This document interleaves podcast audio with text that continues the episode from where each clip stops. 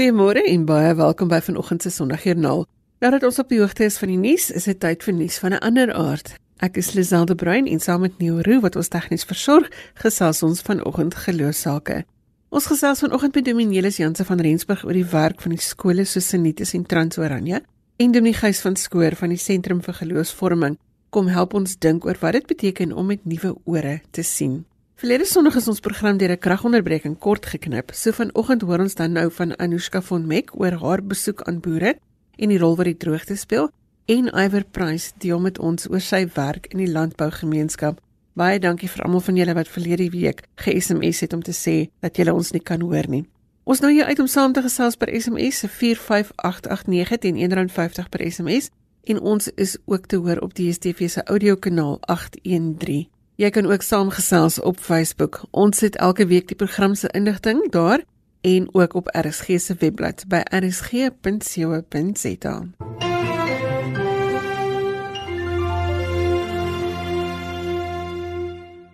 Die Menelis Janse van Rensburg is die voorsitter van die Algemene Sinode se Moderamen en ons gesels vanoggend oor iets heeltemal anders, sy besoek aan Toyba. Goeiemôre Nelis. Goeiemôre Lisel. Nelis, jy was nog nie in jou amptelike hoedanigheid daar nie, maar jy het 'n geskiedenis van 'n seun wat self in 'n skool vir gestremdheid was. Ek het nou 'n kort afkorting gebruik toebou, maar dis eintlik 'n kort woord vir so baie werk wat gedoen word. Lisel, ek het in die afgelope tyd 'n hele klomp blootstelling gehad aan instellings wat aan die kerk gekoppel is of voorheen aan die kerk behoort het of deur die kerk ondersteun word wat 'n uh, fokus op diens aan uh, persone met een of ander gestremdheid, leergestremdheid, leerders.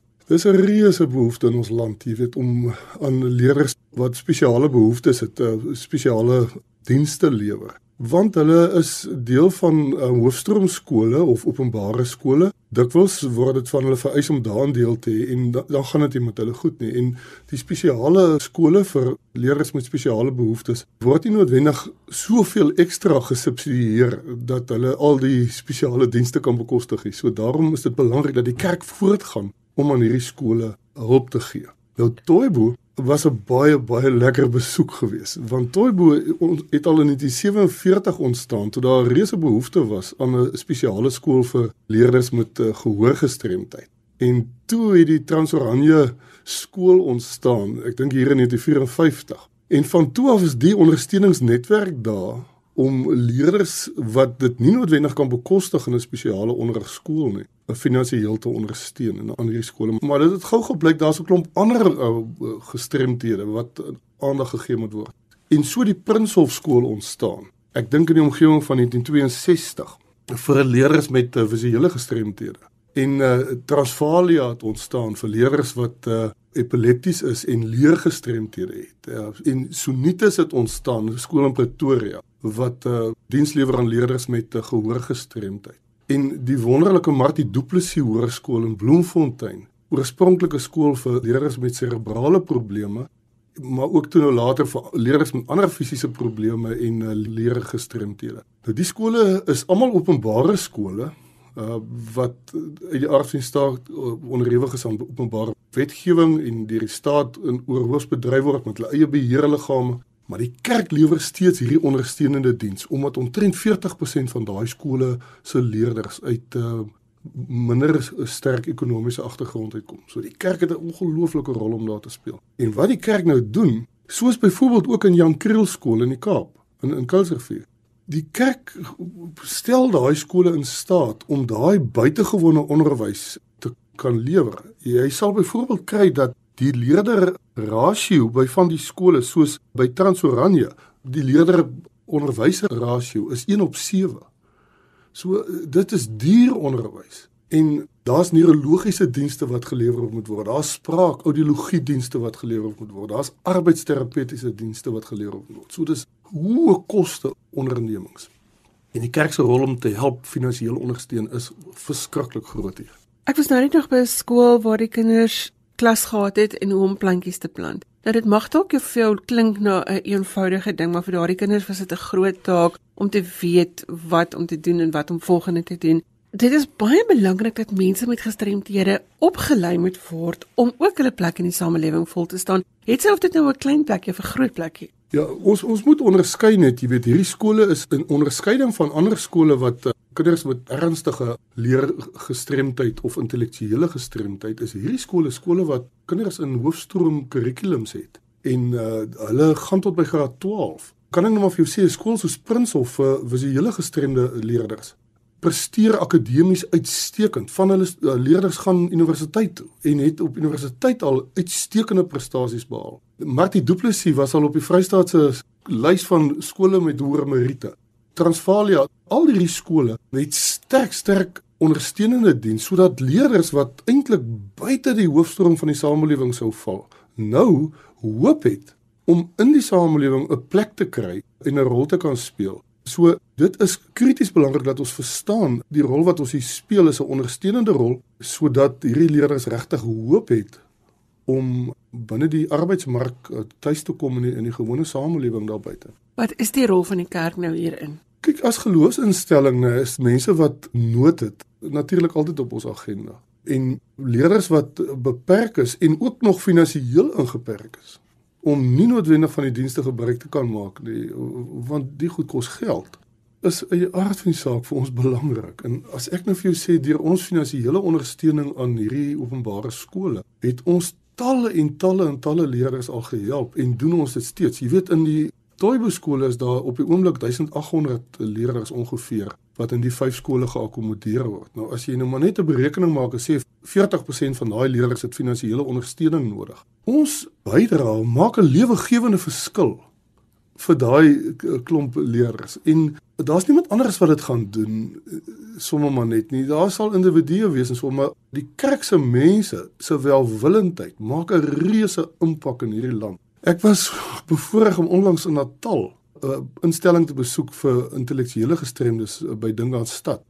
En ek het daar gesit en wie my trane het begin loop want ek het self 'n agtergrond in terme van ek het 'n seun wat intellektueel gestremd is.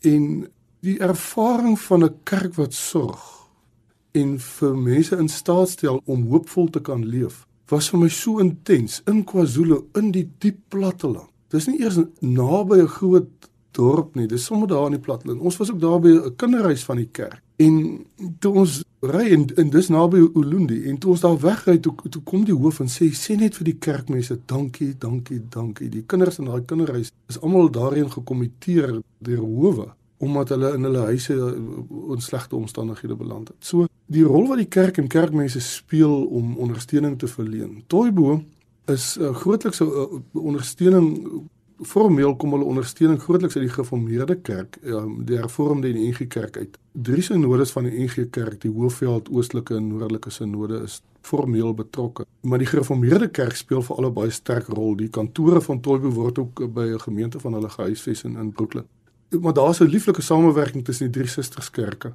Die waarheid is dat hierdie die tipiese mense is wat ek in my geestesoog sien hoe Jesus na hulle uitreik, sy hand uitsteek na hulle. En ons sien dit hoe hy dit doen in, in die tyd in die Nuwe Testament. Hoe hy na die dowes en die blindes uitreik, na die gestremdes en hulle menswaardigheid herstel in 'n samelewing waar hulle absoluut uitgestoot is na die rand toe. En daai beweging van Jesus is die beweging wat ons steeds volg nou.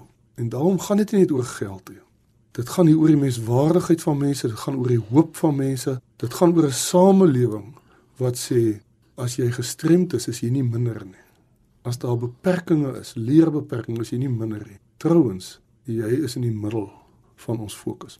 Dit is wat ons op voedselvlak ook moet onthou, is dat jy ook daar kan wees net vir die geestelike versorging van 'n onderwyser of van 'n kind of net om uit te reik, net om liefde te leef. Dis al wat nodig is, maar moenie vergeet om daardie ondersteuning ook te gee nie. Absoluut, absoluut. En kan ek maar net sê mense se betrokkenheid by hierdie instellings is so belangrik. Ek was nou verlede week bevoorreg om by 'n wynveiling te wees ten bate van Jan Kriel Instituut wat dan nou die ondersteunende kerklike liggaam is aan Jan Kriel uh, skool. Die welwillendheid van die mense daar was absoluut oorweldigend. 'n Hele groot gemeenskap van ondersteuners wat nie net met hulle geld ondersteun nie, maar ook met hulle liefde en hulle betrokkenheid by die instelling. Ondersteuning verleen aan die leerkragte daar, die hoof en almal wat daar werksaam is. En daai verhouding tussen kerk en instelling en tussen gelowiges en instelling is die mees energerende verhouding.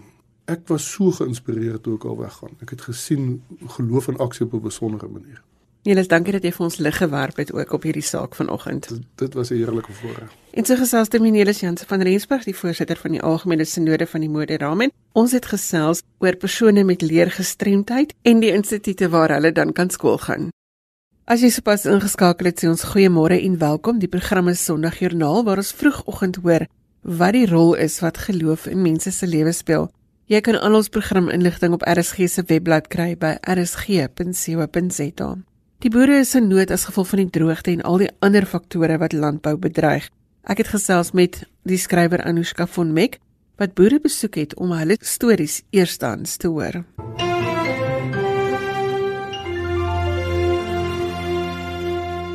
Anushka von Meck het onlangs vir 'n Christelike lektuurfonds projek deur die land gery om met boere te gesels. Ons wil vanoggend hoor wat die stories is wat sy bymekaar gemaak het. Goeiemôre Anushka. Haai, goeiemôre uit die dorre Handam. Jy het by heelwat boere op plase gaan kuier. Wat was die motivering? Die boek wat ek besig is om te skryf, ek is gehuur deur Christelike Lektuurfonds om 'n boek vir hulle te skryf oor boere en droogte. Dit gaan oor boere wat oorleef. Wat doen hierdie mense terwyl dit nou jaar na jaar so sleg gaan? So ek het gegaan om regtig vir die mense stem te gee. Na plase toe te gaan, die hele Suid-Afrika vol. Ek was net nie in Natal nie. Al die ergste drooggetuisterde gebiede en te hoor hoe gaan dit met julle? Wat gaan aan hierso? Jy weet hoe oorleef julle?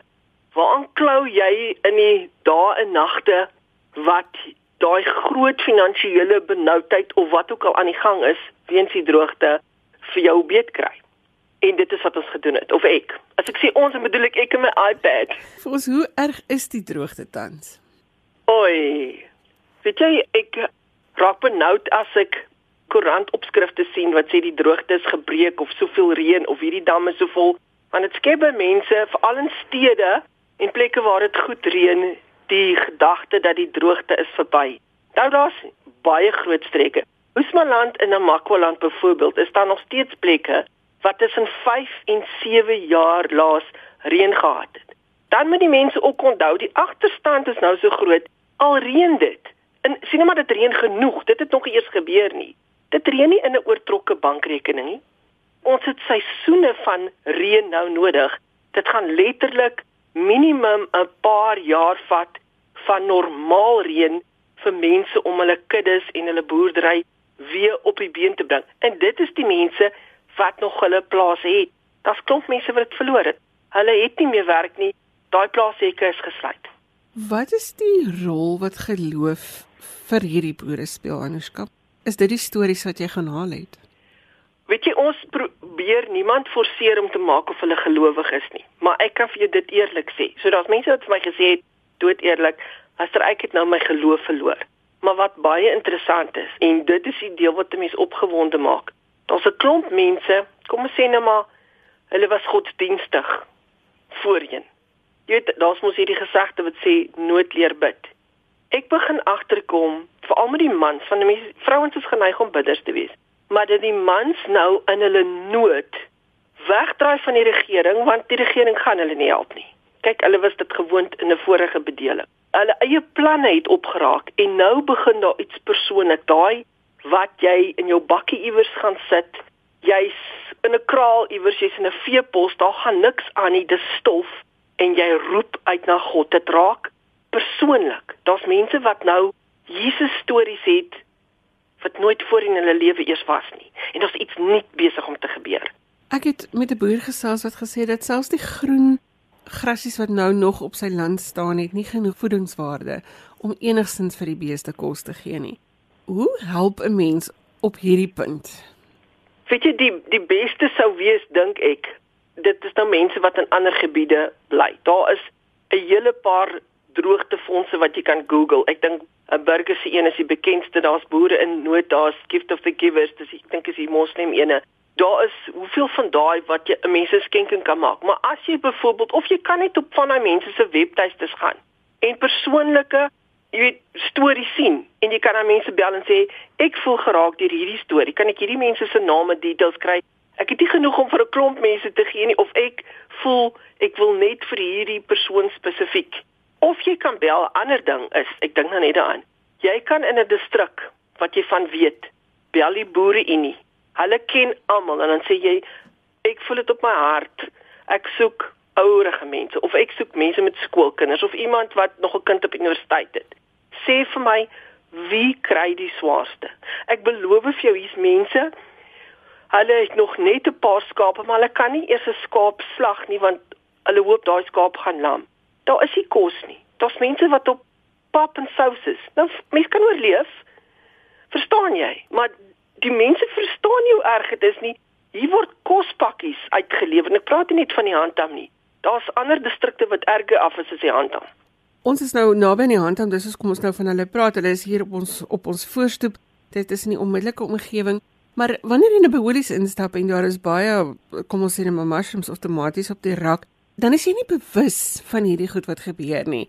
Ja. So ons moet op 'n manier vir die land sê dat daar moeilikheid is dat hierdie droogte net omdat dit reën in die Kaap en die damme word vol, beteken dit nie dit reën op die plase waar ons kos vandaan kom nie. Ja, kyk, ek was in verskillende streke.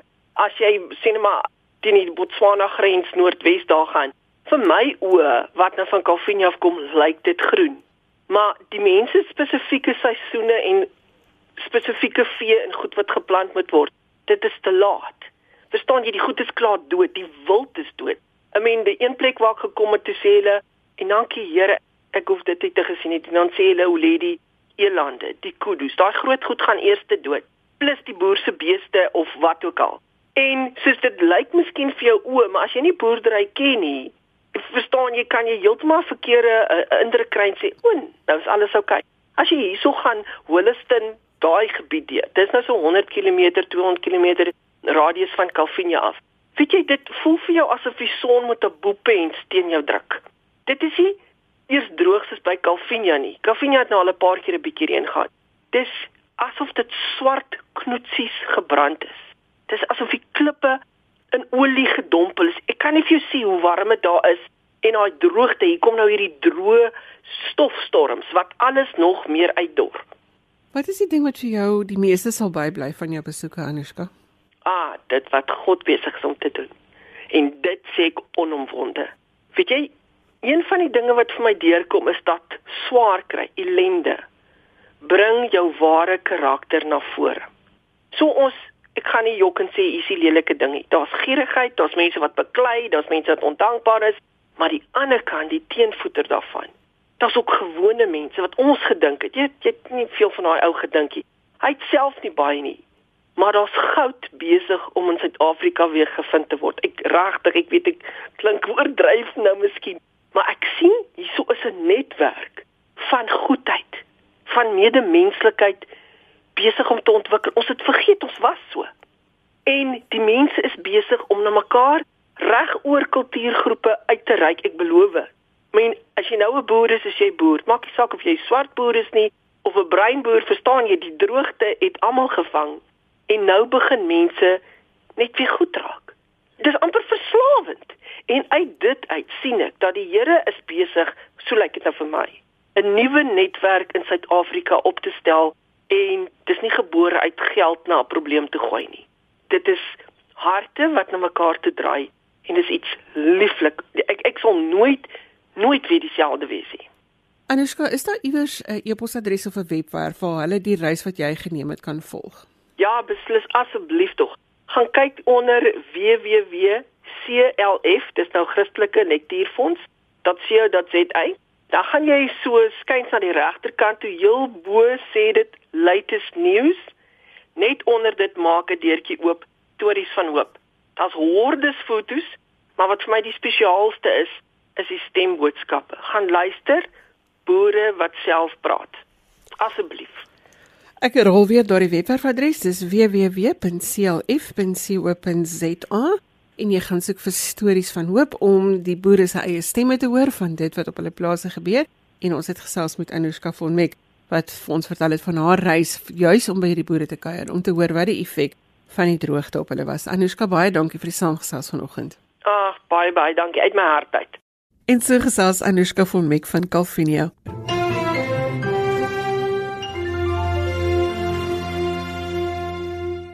Dominies van Skoor en ek is ewe grys, waarskynlik vir verskillende redes. Hy kuier vanoggend by ons in die ateljee en ons gaan gesels oor hoe jy jou siel kan kry om te luister. Goeiemôre Gys. Goeiemôre Lisel.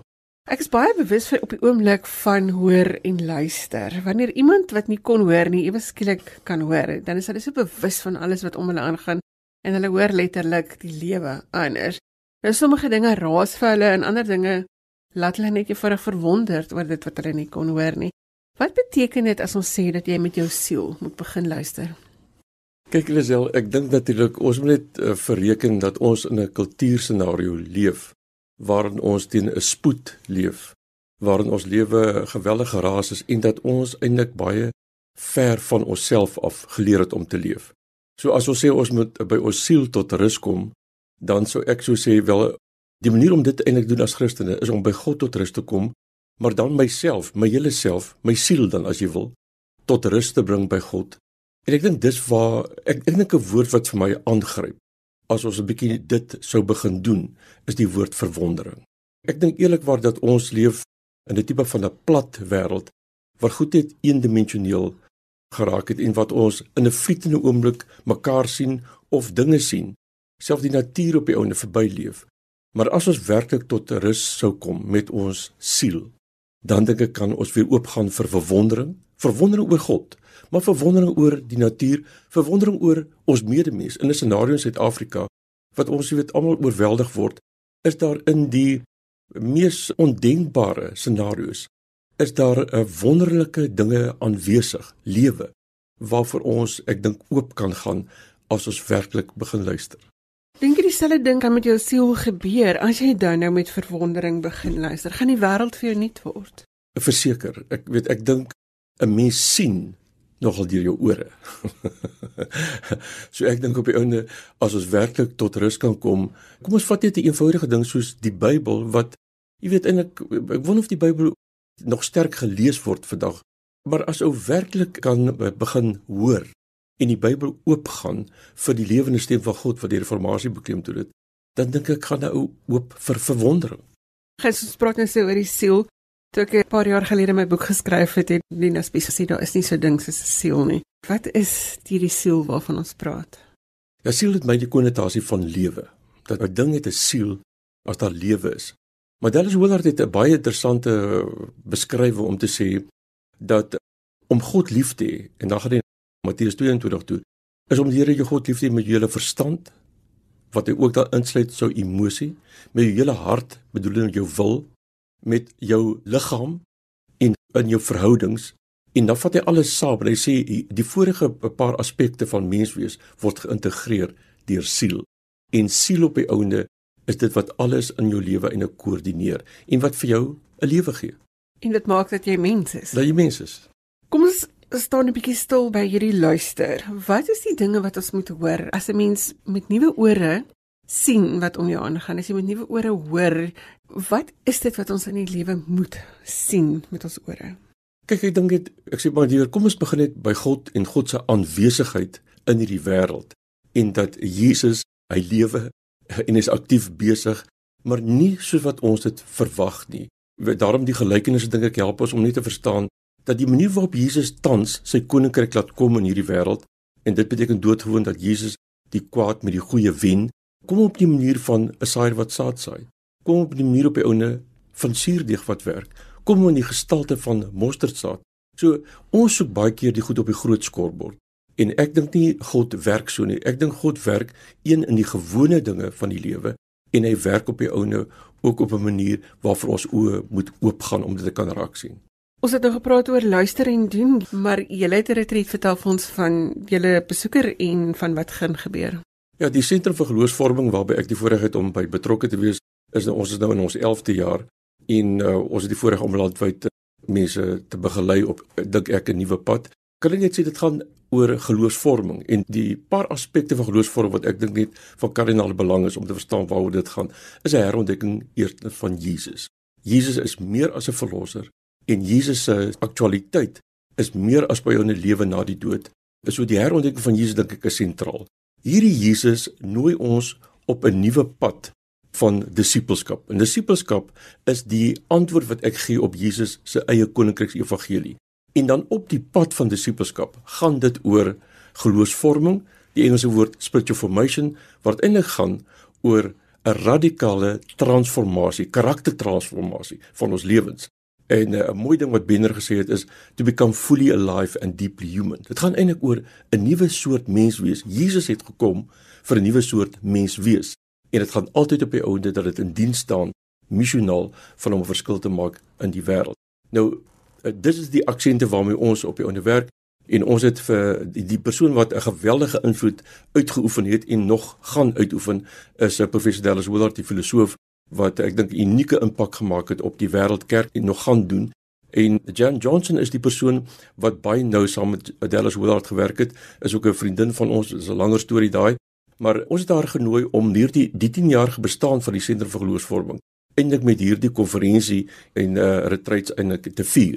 So sy kom op die ouende uh, die 16de tot die 20ste September, dis in Greyton, dan naby Caledon, die Weskaap uh, kom sy en die tema van hierdie konferensie is reflections on spiritual formation. So ons het 'n hele baie interessante program dat ons die oggende gaan sy eh, sê maar lesings gee, uh, maar jy moet in Greyton tot rus kom. So dis hoekom die middag gaan daar ander aktiwiteite wees waaraan jy kan deelneem soos byvoorbeeld jou eie leer gordel maak. Daar's kuns ervarings wat jy kan opdoen.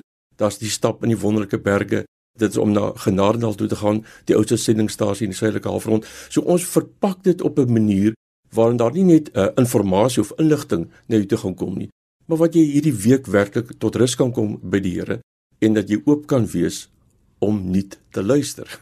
Om dan met nuwe ore te hoor. ja. Uh, Ekskuus tog net, dan moet ek sien net gou sê, uh, ons het twee retreat. Die voorste uh, een voor die 16, die 13 en 15 is ongelukkig klaar vol maar dan na die uh, 1620 die Vrydag tot die Maandag want dis die Dinsdag is 'n vakansiedag en dis ook die naweek is die eerste naweek in die vakansie het ons 'n langer retreat met die tema uh, fresh look at Jesus. Wat is die kontakdetails sou iemand wil gaan kyk waar hulle nog kan inskryf Ja ek dink die die belangrikste om na toe te gaan is www.spiritualformationinwoord.org en al die inligting en ook die inskrywings vind daar plaas. Nou laat ek net gesê ek het 'n bietjie van 'n droom gehad dat jy vir die hele week die 26ste kan kom, maar jy kan ook per dag kom vir R250 'n dag, sou jy kon kom, maar ons wil graag jou aanmoedig om in te skryf want dit help ons met ons voorbereiding. So die uh, webtuiste is www.spiritualformationinwoord.org. As ons kan saamvat, Gys, gee ons een sin om nie te luister. Luister is so van kardinale belang in ons reis om egte mense te word. So sê Dominee Gys van Skoor van die Sentrum vir Geloofsvorming. Ons het gesels oor hoe om nie te luister en die herontdekking en verwondering waarmee ons na Jesus moet kyk. Gys baie dankie vir die saamgesels vanoggend. Baie dankie. Jy kan gaan kyk by hulle webwerf by www.spiritualformation.org dis spiritualformation alles een woord.org. Dalk dit dat elkeen van ons op 'n herontdekkingstog gaan om met nuwe oë en verwondering na die lewe te kyk. Dankie vir almal van julle wat laat weet het waar julle 'n verskil maak. Al is dit hoe klein en wat ek raak lees in die meeste van die eposse is dat dit jou meer verander as vir die mense vir wie jy dit doen. So dit is belangrik hou aan om dit te doen. Dit maak nie saak hoe klein daardie dingetjie is wat jy doen nie en laat weet vir ons wat die goed is wat jy elke dag doen om 'n verskil te maak.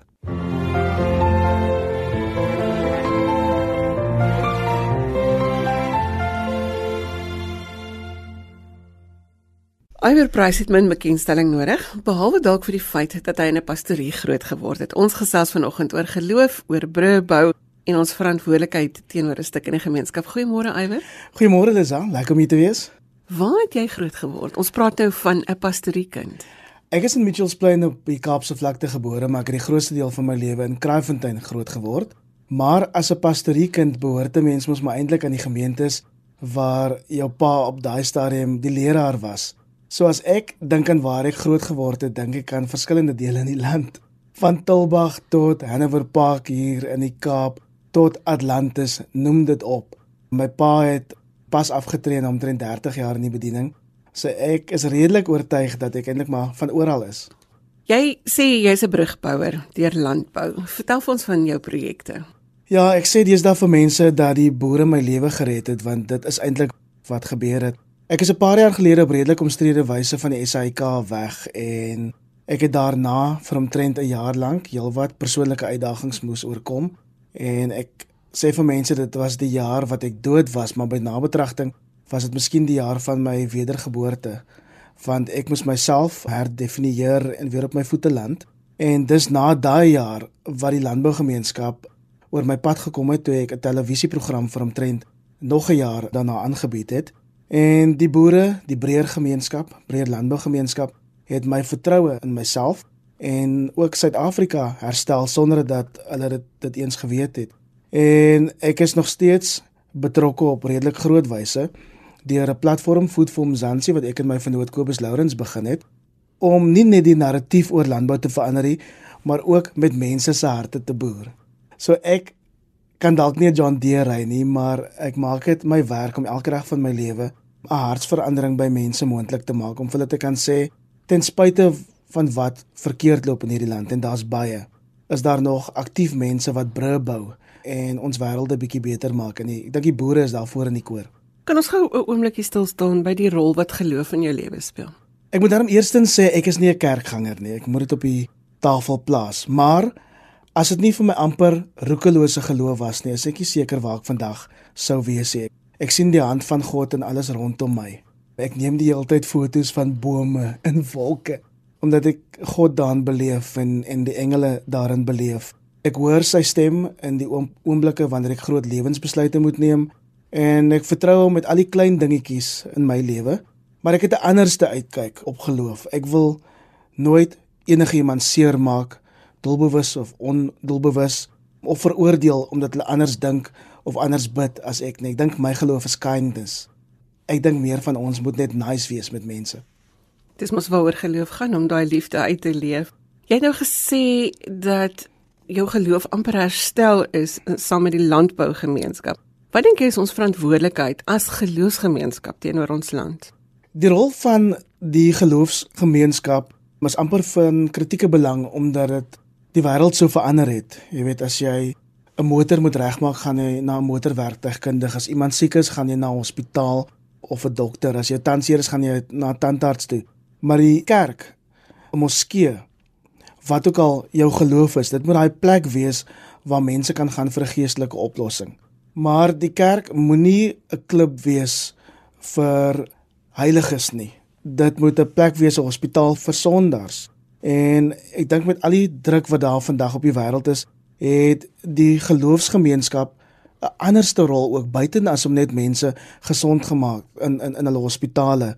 Mense op so, is op soek na geloofsgebaseerde oplossings vir hulle lewensprobleme en ek verwag van die geloofsgemeenskap om leiding te neem in die transformering van gemeenskappe en die land deur indringende vrae te vra en ook op ekonomiese vlak, op politieke vlak, op maatskaplike vlak. So dis baie groter as net 'n Sondag erediens. Ons weet dat hierdie dinge gebeur as jy en jou pa nou op die stoep sit met 'n koppie tee. Waaroor gesels julle? Ons gesels oor musiek en ons gesels oor boeke en oor die politiek. Ek dink albei my ouers, my ma, Catherine, my pa Wilson, is ingeligte wêreldburgers en hulle wil nog steeds nadat hulle afgetree is betrokke wees. Jy weet, ons glo aan dat mense jou hande moet vuil maak, dat jy op 'n of ander manier 'n verskil in mense se lewens moet maak. Of jy nou vir jou buurvrou 'n bord sop neem of by 'n skool een of ander aktiwiteit gaan doen, jy moet betrokke raak. So ek dink my ouers daag my die, die hele tyd uit om beter te doen, om elke dag 'n bietjie beter te doen. Kom ons gesels 'n bietjie oor daai eerste tree gee. Food for Nzansi, presies wat doen julle? Ons reis nogal wyd. Daar's nie 'n deel in hierdie land waar ons nog nie was nie. En ons ontmoet ongelooflike boere, ons ontmoet gelooflike landbouwerkers, landbouondernemings en ons vertel vir mense van die ongelooflike stories wat daar buite is. Die stories wat nie die hoofstroom media haal nie. Byvoorbeeld, op Ficksburg in die Vrystaat het my pad gekruis met die mense van die MD Foundation. En dis 'n klomp boere wat omtrent alles beleef het wat skeef geloop het van sekwestrasie, 'n verwoestende haalstorm, twee plaasmoorde. En hulle het op 'n stadium begin oorweeg om oor see te gaan, soos baie mense al gedoen het. En dit hulle begin saam bid en uiteindelik begin saam boer. En vandag gee hulle die grootste deel van hulle winste om gemeenskappe beter te maak. Hulle bou hospitale, klinieke, hospise. Hulle bou letterlik paaie ook. Dis wat die landbougemeenskap doen omdat hulle hart het vir die Here, maar ook 'n hart het vir mense. Nie ver van die ateljee nie ontmoet ek vir Kosie van Sail in die Oeverberg. En Kosie het toe hy 'n kind was, saam met die plaaswerkers kinders gespeel en hy het altyd vir hulle gesê eendag as ons groot is, gaan ons nie meer vir ons paas hoef te werk nie. En ek sien hoe Kosie van Sail daai voormalige plaaswerkers kinders opgehef het. Vandag is hulle volwaardige kommersiële boere. En Kosie het sopas 'n skool gebou. Weet wat daai gemeenskap van die Oeverberg wat baie sukkel soms eenvoudig hulle babas by hom en sy vrou Lize se plaas ek kom neersit in 'n mandjie. En hulle weet nie wie die mense is en Kosie maak hulle groot. Ek sien hoe hulle op sy skouers sit aan hom klou, hoe hulle neusies afvee. En dis die stories waar ons moeite doen op voet vir Mzansi om vir mense te vertel die land is eintlik oukei, okay, ons is oukei. Okay. Want daar's meer goeie mense in hierdie land as wat ons politici ons wil laat glo. Hoe kry ons hierdie boodskap uit by die politici en by Twitter dat die mense uiteindelik met mekaar hand aan hand stap? Dis vir my nogal hartseer oor wat tans op sosiale media gebeur. Ek dink ons verval in sulke sosiale media borrels. Ons skree die heeltyd op mekaar. En dit is omdat ons politici op mekaar skree omdat hulle nie verantwoordbaar is teenoor ons nie en dit is baie maklik om in daai slaggat te trap ek vind self dat ek um, soms tot 10 moet tel en soms tot 100 moet tel om nie te reageer op van die goed wat ek sien nie of van die goed wat mense vir my skryf nie. Maar ek dink ons moet besef daar's 'n wêreld daar buite. Facebook en Twitter is nie die land nie. Dis 'n klein deel van die gemeenskap.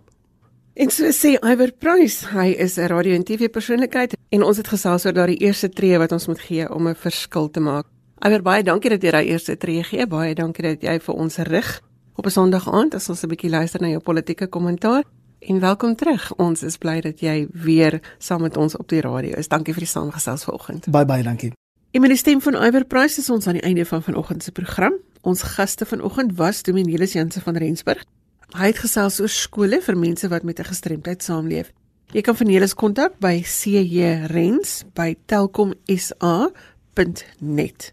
En Dominee Gys van skool van die sentrum van geloofsvorming het met ons gesels oor die verwondering as jy die wêreld herontdek deur nie te luister.